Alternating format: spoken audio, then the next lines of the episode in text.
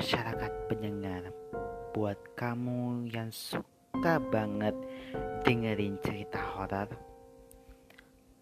atau penelihat dan pernah merasakan mitos serta legenda yang ada di sekitar kita, kalian wajib banget dengerin di segmen mitos dan legenda. Mitos dan legenda merupakan podcast terbaru dari berbagi cerita Tyler yang mengangkat sebuah kisah sekaligus makna di balik sebuah peristiwa serta mengungkap mitos dan fakta yang dibalik di dalamnya. Kalian wajib banget dengerin mitos dan legenda di podcast berbagi cerita Tyler yang akan tayang setiap hari Senin, Rabu, dan Jumat di Spotify. Mitos Legenda eksklusif on berbagi cerita Tyler for you by on Charles Prizozola Z Tyler Mata Pekanbaru Kainas.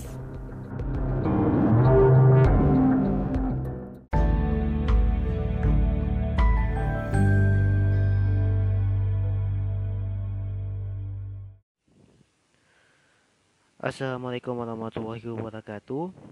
Salam sejahtera bagi kita semua. Om Swastiastu, Namo Buddhaya, Salam Kebajikan. Selamat datang di podcast berbagi cerita Tyler Season 6 Mengudara setiap hari Senin, Rabu, dan Jumat Hanya di Spotify. Ada kami berdua, Manega Saputra dan temanku Tyler. Kami berdua masih di rumah. Dan selamat malam, pagi, siang, sore dan selamat kembali datang teman-temanku semuanya. Gimana kabarnya? Sehat? Semoga kami harapkan dalam keadaan sehat selalu.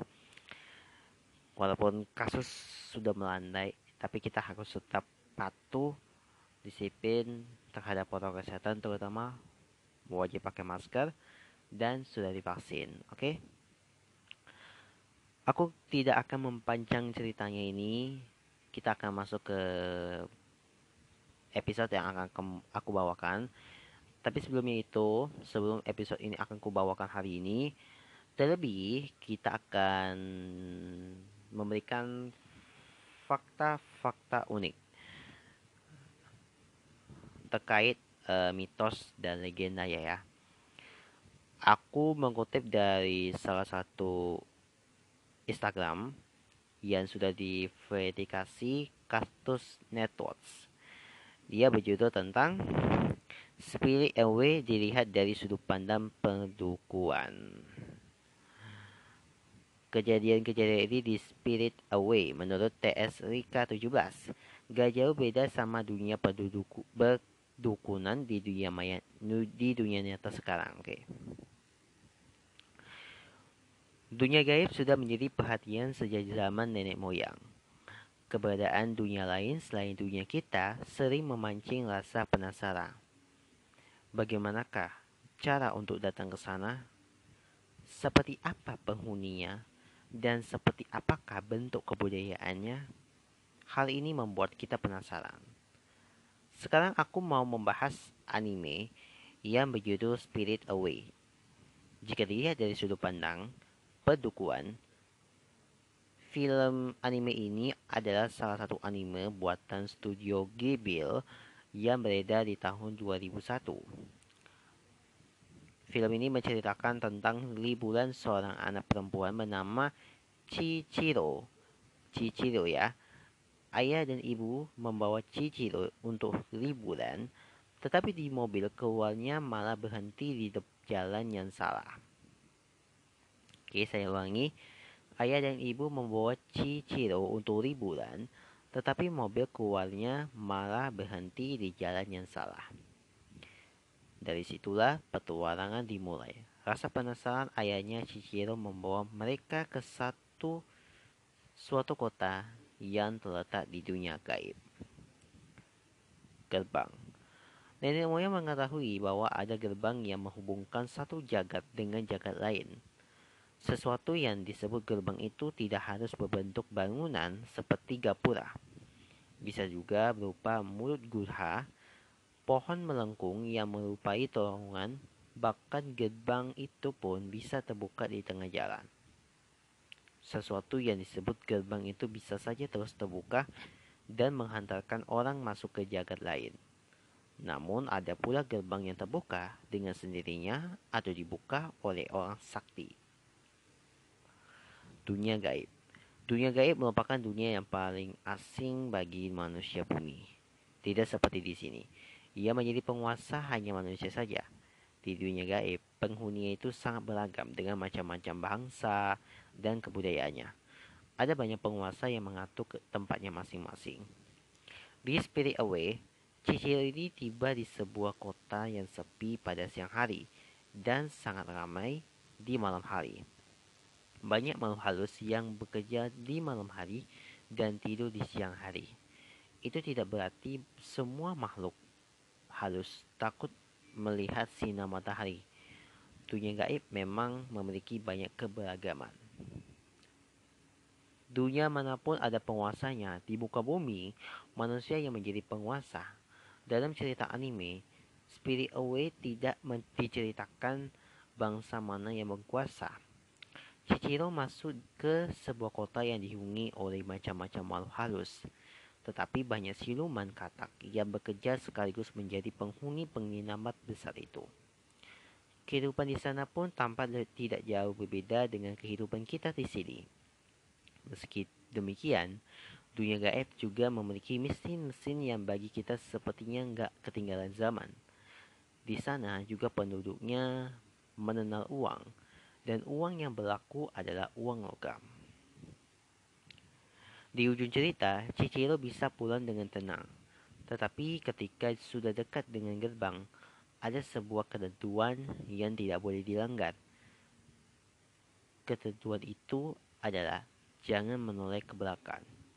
Boleh jadi apabila ketentuan itu dilanggar, bisa saja gerbang itu tiba-tiba tertutup rapat kalau sudah berdiri entah kapan bisa pulang di dunia asalnya. Percaya nggak percaya di film ini ya, tapi kita baca komentar dulu deh. Ada dua komentar. Memang ceritanya lirik dengan dunia gaib di Indonesia kalau dicermati juga ada beberapa Betson gamelan Bali. FYI bukan liburan tapi pindahan rumah setahu aneh. Oke. Okay. Hmm, percaya nggak percaya silakan uh, komen di bawah atau di DM atau di IG kita atau Twitter juga bisa. Nah sekarang kita membahas fakta unik. Ada tiga fakta unik yang akan kami bawakan. Yang pertama, oke, okay, fakta unik yang pertama ini adalah seorang wanita di Malaysia melakukan hal yang membuat banyak orang tergereng-gereng kepala lantaran ia mampu membawa tiga tabung gas berukuran 14 kg sekaligus. Terlihat jelas wanita tersebut tanpa membawa tiga tabung gas 14 kg sekaligus. Dari video itu, dia terlihat menaruh satu tabung gas di pundaknya dan menindih dua tabung gas yang kemudian ia putar agar bisa membawa tiga tabung sekaligus. Tak hayal, pekerjaan yang dilakoni wanita tersebut pun membuat publik tidak bisa berkata apa-apa. Sebab wanita yang bersangkutan dianggap sangat kuat menjalani hidup dengan melakukan pekerjaan yang bisa dikekuni kaum pria. Kita mulai dengan komentar. Wanita itu memang kuat 9 bulan membawa janin di perutnya ke mana-mana belum lagi mual muntah di pagi hari. Hanya satu yang bikin wanita itu sakit luar dalam seumur hidupnya. Ya, ketika dimarahi atau dibentak suaminya.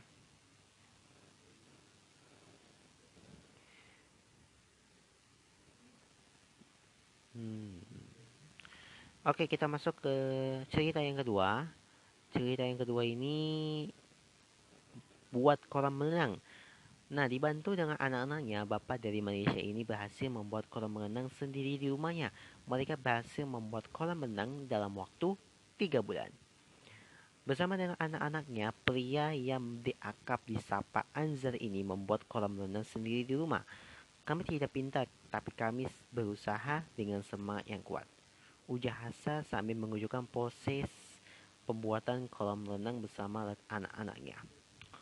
Dikutip dari akun Instagramnya Wow Fakta, melalui postingan di Facebook, Azhar ini membagikan beberapa foto dan video dari awal pembangunan kolam renang yang membuat banyak orang kagum.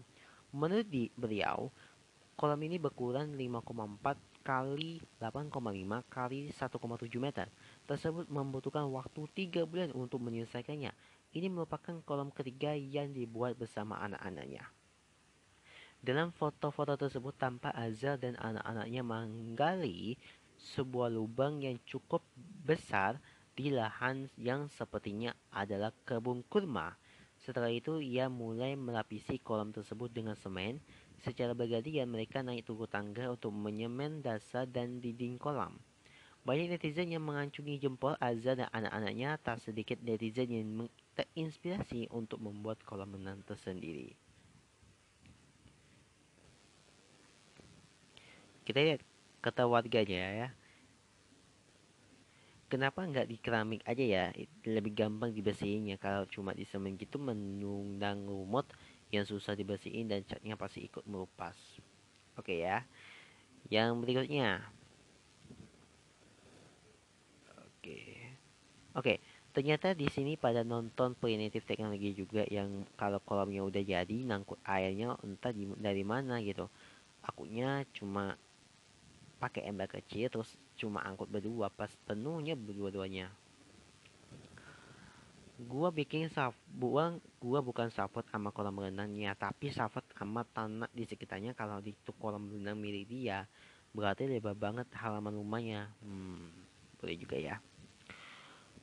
Oke kita masuk ke cerita yang ketiga. Jadi eh, yang terinspirasi bagi perempuan Indonesia bangkit pasca COVID ya. Kalau kemarin itu kita sudah memperingati Hari International Women's Day atau Hari Perempuan Sedunia yang jatuh pada 8 Maret. Ini Alibaba Group menunjukkan e-headbook berjudul Titik Mulai Perempuan Indonesia Bangkit Pasca COVID. Buku ini bisa didownload secara gratis dan bertujuan untuk menginspirasi para perempuan bangkit dari tantangan akibat pandemi.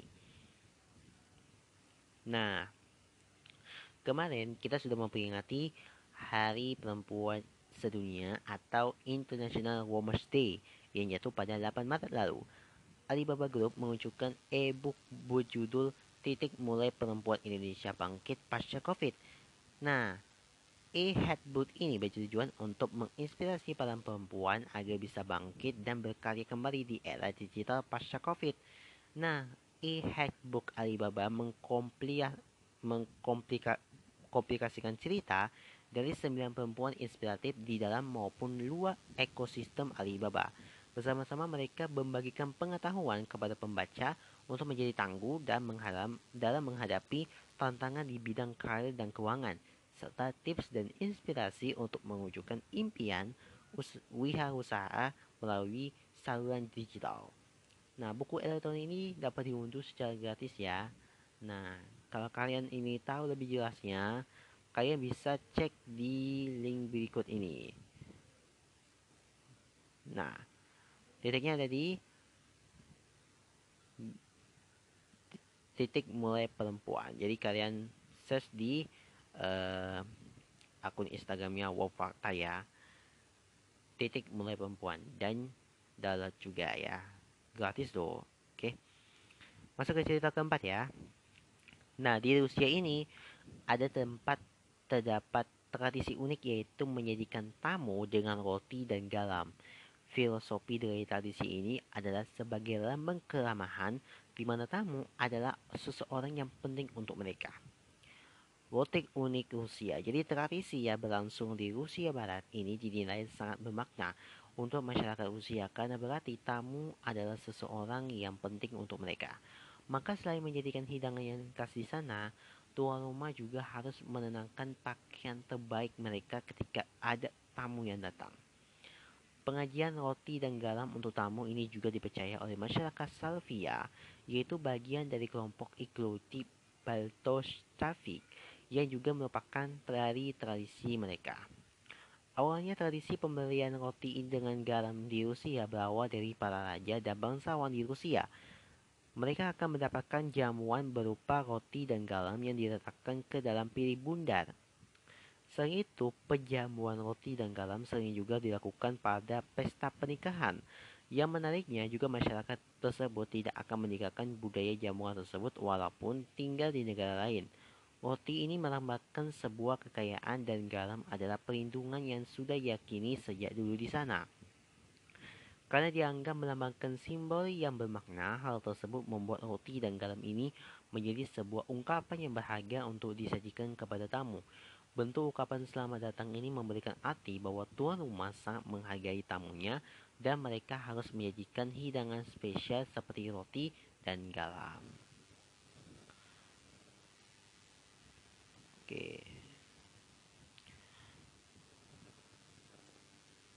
Oke, kita sudah membahas cerita yang fakta uniknya lainnya. Dan inilah yang sangat ditunggu-tunggu. Kemarin aku sempat membaca artikel di IG ada satu berita hashtagnya rubah eko 9 ya kalau kalian pengen tahu lebih dekat, bisa dengerin episode yang pertama.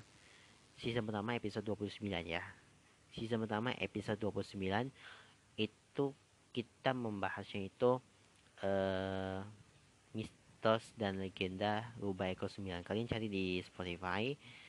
Kalian search mitos dan legenda Rubah Eko 9. Kita tag rekaman pada waktu itu tanggal berapa ya? Agak lupa sih, tapi supaya kita mengingat-ingat ibu bener gak sih ini nah jadi aku membuka satu Instagram liputan 6 ia membahas batu keramat penjara iblis ubah eko 9 tebelah nah ini kutip dari liputan 6 ya Batu yang dijuluki Senso Seki ini dipercaya sebagai tempat pemenjaraan iblis. Warga setempat percaya batu yang terletak di kaki gunung Nasu tersebut merupakan terperangkap eh perangkap bagi iblis perempuan berusia seribu tahun. Sensoseki sebuah batu terkenal di Nasu, Jepang yang dikatakan telah membejarakan iblis. Iblis rubah ekor sembilan, Tamamo no Mae, ditemukan patah menjadi dua. Heboh penunggak foto pecahnya batu Sensoseki di Twitter. Jadi batu yang dijuluki Sensoseki ini dipercaya sebagai tempat pemenjaraan iblis. Warga setempat percaya batu yang terletak di kaki gunung Nasu ini merupakan e, merupakan perangkap bagi iblis perempuan berusia seribu tahun. Namun batu keramat tersebut baru-baru ini dikabarkan telah terbelah menjadi dua. Tak heran warga sekitar hingga netizen turut khawatir dibuatnya. Nah, bahkan lokasi batu yang juga jadi tempat wisata ini seketika tersentak negeri ngeri dengan kabar yang beredar. Sensoseki, sebuah batu terkenal di Nasu Jepang yang dikatakan telah memenjarakan iblis iblis lubang ekor 9, Tamamamo no Mae, ditemukan patah menjadi dua. Heboh penunggal foto terbelah pecahnya batu Sensoseki di Twitter. Batu yang semuanya utuh dengan sebuah tali di atasnya kini telah terbelah dua. Meng merangkum kisahnya dari melansir dari The Guardian, menurut legenda, Senso ini merupakan mulanya merupakan uh, wujudnya seorang wanita cantik bernama Tamamo Nomai.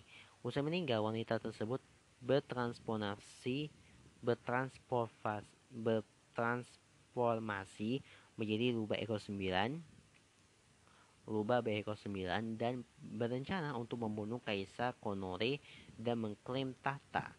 Akhirnya wanita atau rubah iblis itu dibunuh oleh seorang prajurit dan mayatnya menjadi Sensoseki.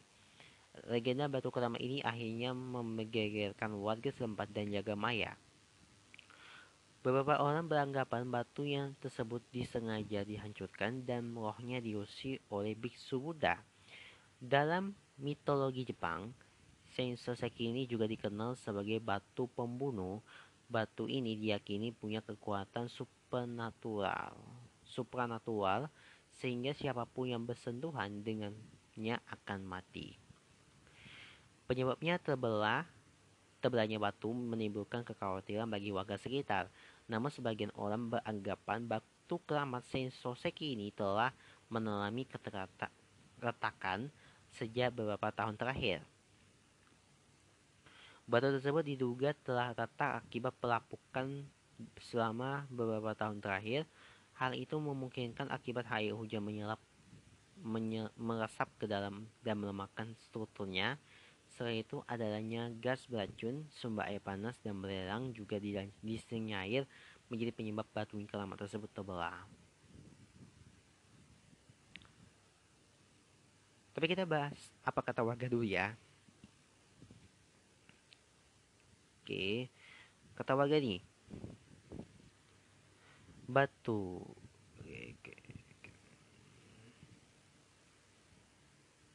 Tapi percaya atau nggak percaya ya kalau kita bahas tentang rubah Eko 9 dari ini Sensoseki ini ini dipercaya sebagai tempat mau menjalankan iblis.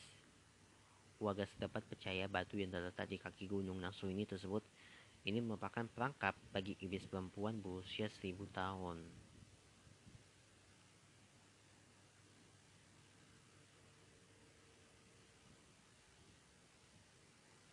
aku sempat cari juga di Japan Nation ini. Jadi Jepang ini memang terkenal akan aura yang mistis di mana roh dan yokai bersembunyi di seluruh penjuru negeri, termasuk di sebuah batu di lereng Nasu, prefektur Tohigi yang dipercaya bahwa arwah rubah Eko 9, rubah Eko 9 dikatakan tersegel di dalamnya. Masalahnya adalah Minggu ini, batu besar di Nasu tersebut terbelah menjadi dua, memicukan kekhawatiran bahwa roh rubah jahat QB telah lepas. Jadi, batu besar yang terdaftar sebagai tempat pemandangan nasional pada tahun 1957 telah menjadi situs misteri selama bertahun-tahun. Menurut mitos ini, rubah yang kuat berupa menjadi wanita cantik bernama Tamamo no Mae dan berusaha membunuh Kaisar Toba pengusaha Jepang, penguasa Jepang dari tahun 1107 hingga 1123.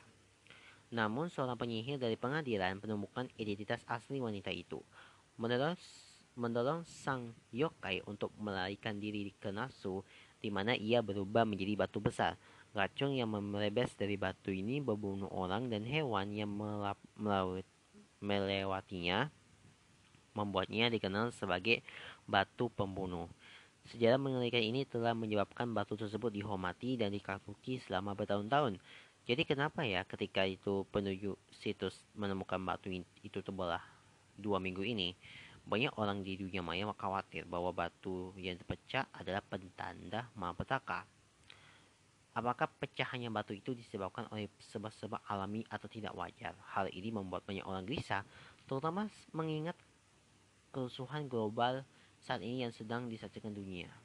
Coba kita bahas dulu.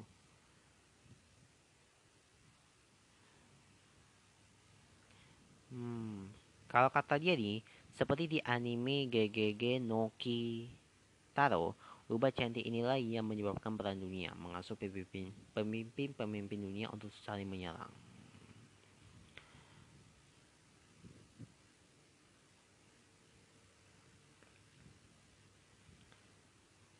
Oke, aku sempat baca juga ya kalau ini QB ini nggak bakal nyamuk sekarang, ngamuk sekarang ya. Dia kan udah jadi salah satu warga Konoha gitu.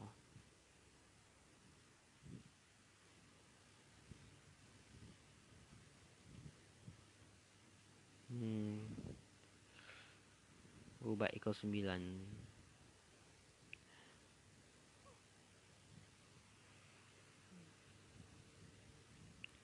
Oke. Aku juga membaca juga ya. Jadi uh,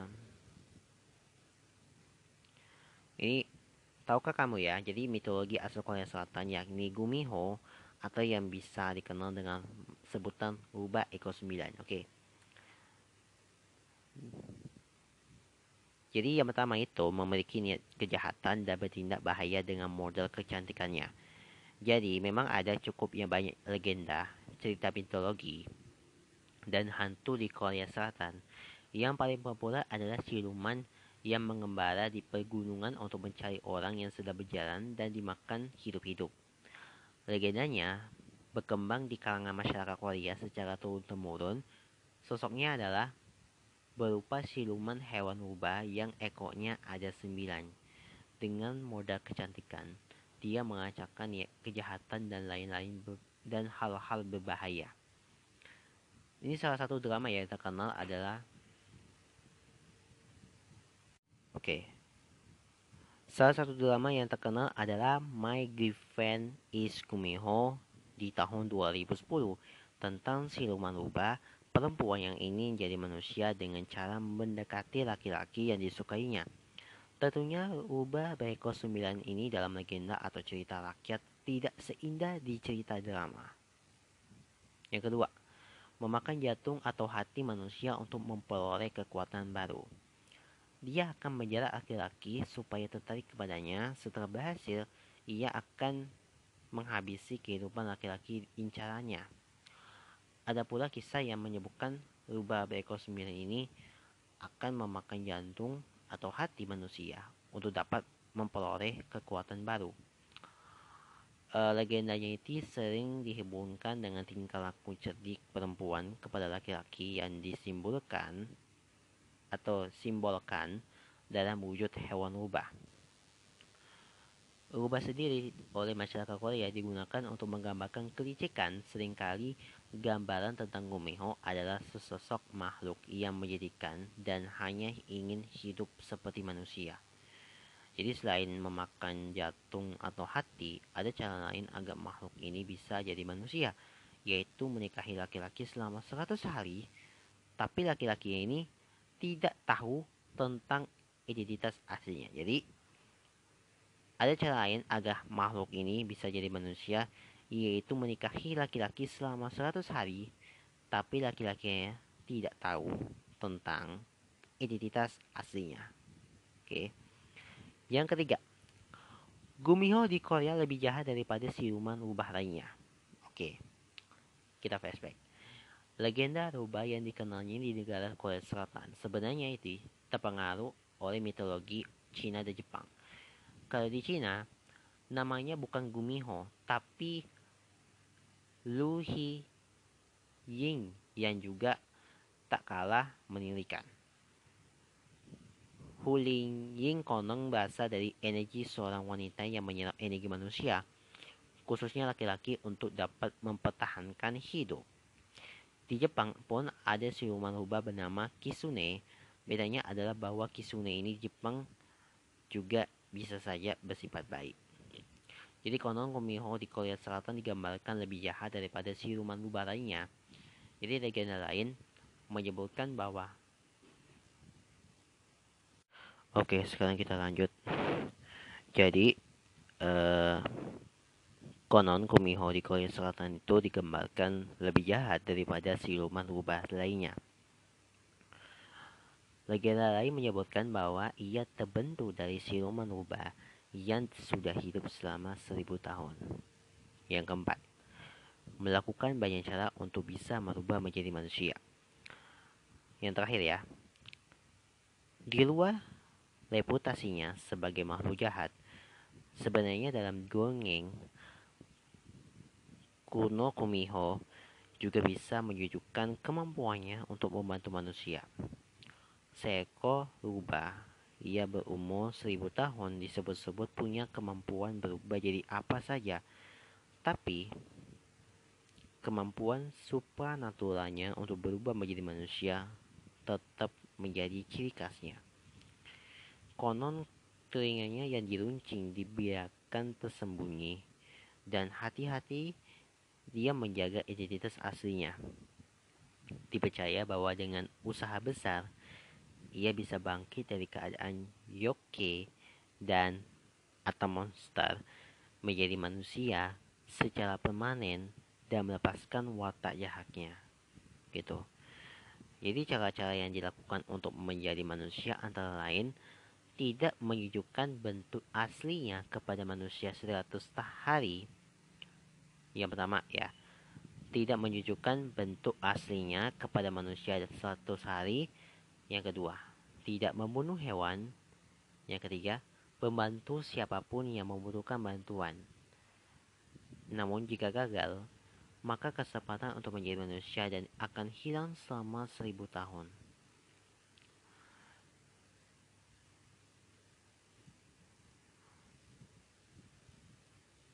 Oke, itu tadi beberapa mitos asal Korea Selatan yakni Gumiho atau yang bisa dikenal dengan sebutan rubah ekor 9. Ada empat yang sebutkan tapi percaya nggak percaya maksudnya ada nggak sih itu pengen aku tahu gitu pengen aku ngulik dari dalam tapi maksudnya gini gua agak memimpi tentang uh, tengah malam gitulah ya bersaju pakai sweater segala macam aku jalan sendirian gitu di pegunungan salju gitu. Tiba-tiba ada sosok makhluk yang ngejak aku. Tapi aku nggak tahu sosok itu siapa gitu. Mungkin jangan-jangan kumiho atau enggak ya mungkin aku nggak tahu. Tapi masuki gitu eh kenapa ya gitu kan? Kok masa agak nggak apa ya nggak ingat gitu. Kok masa agak ketakutan di situ. Aku lari-lari gitu. Sampai akhirnya aku gak bisa nahan. Akhirnya aku terbangun dari tidur. Tapi mimpi habis mimpi apa gitu? Maunya mau apa gitu? Mungkin cerita gua memang mimpi aku nih agak super natural tapi halu-halunya gitu loh yang membuat aku takut tentang uh, mimpi buruk ini. Oke okay lah kalau begitu. Oke okay, buat teman-teman yang kalian ini mau kasih tahu coba DM aja di Instagram. Maksudnya pernah nggak sih atau percaya atau nggak percaya tentang uh, Roba Eko 9 kalian ketik di kolom komentar habis postingan ini kalian tulis di komentar atau DM di Twitter dan juga Instagram Twitternya at podcast cerita Tyler dan eh di IG kita podcast cerita Tyler dan Twitternya itu podcast underscore Tyler. Oke jangan lupa di follow dan jangan lupa follow juga di Spotify, bunyikan lonceng biar kamu gak ketinggalan dan jangan lupa untuk kasih rating. Karena rating ini akan membantu kamu untuk menyelesaikan masalah hidupmu supaya kita lebih tenang dan lebih baik untuk ke depannya. Oke, kalau begitu kita akan memimpi lagi tentang ini. Tapi sebenarnya ini cerita yang agak tengah gitu kan. Tapi ya udahlah mungkin di episode-episode lain lagi gitu kan. Oke sekian dulu cerita kali ini. Jangan lupa untuk follow bunyikan lonceng dan juga kasih rating. Follow juga twitter dan juga instagram. Saya Mega Suputra temanku Tyler pamit sampai jumpa lagi